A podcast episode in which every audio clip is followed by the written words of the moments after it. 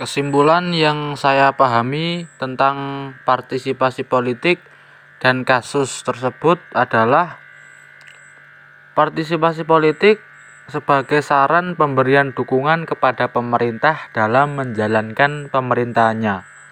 Sarana untuk mengejar kepentingan dan pemuasan baik berupa ekonomi sosial maupun psikologis serta sebagai sarana untuk menunjukkan kepada pemerintah kekurangan ataupun kelemahan dalam pelaksanaan pemerintahannya.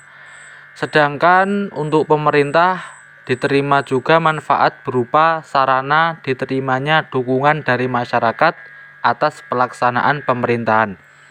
Sebagai sarana penerimaan suara masyarakat untuk pengarahan pemajuan dan pembangunan yang lebih baik serta sebagai pembantu mendorongnya program-program pemerintah.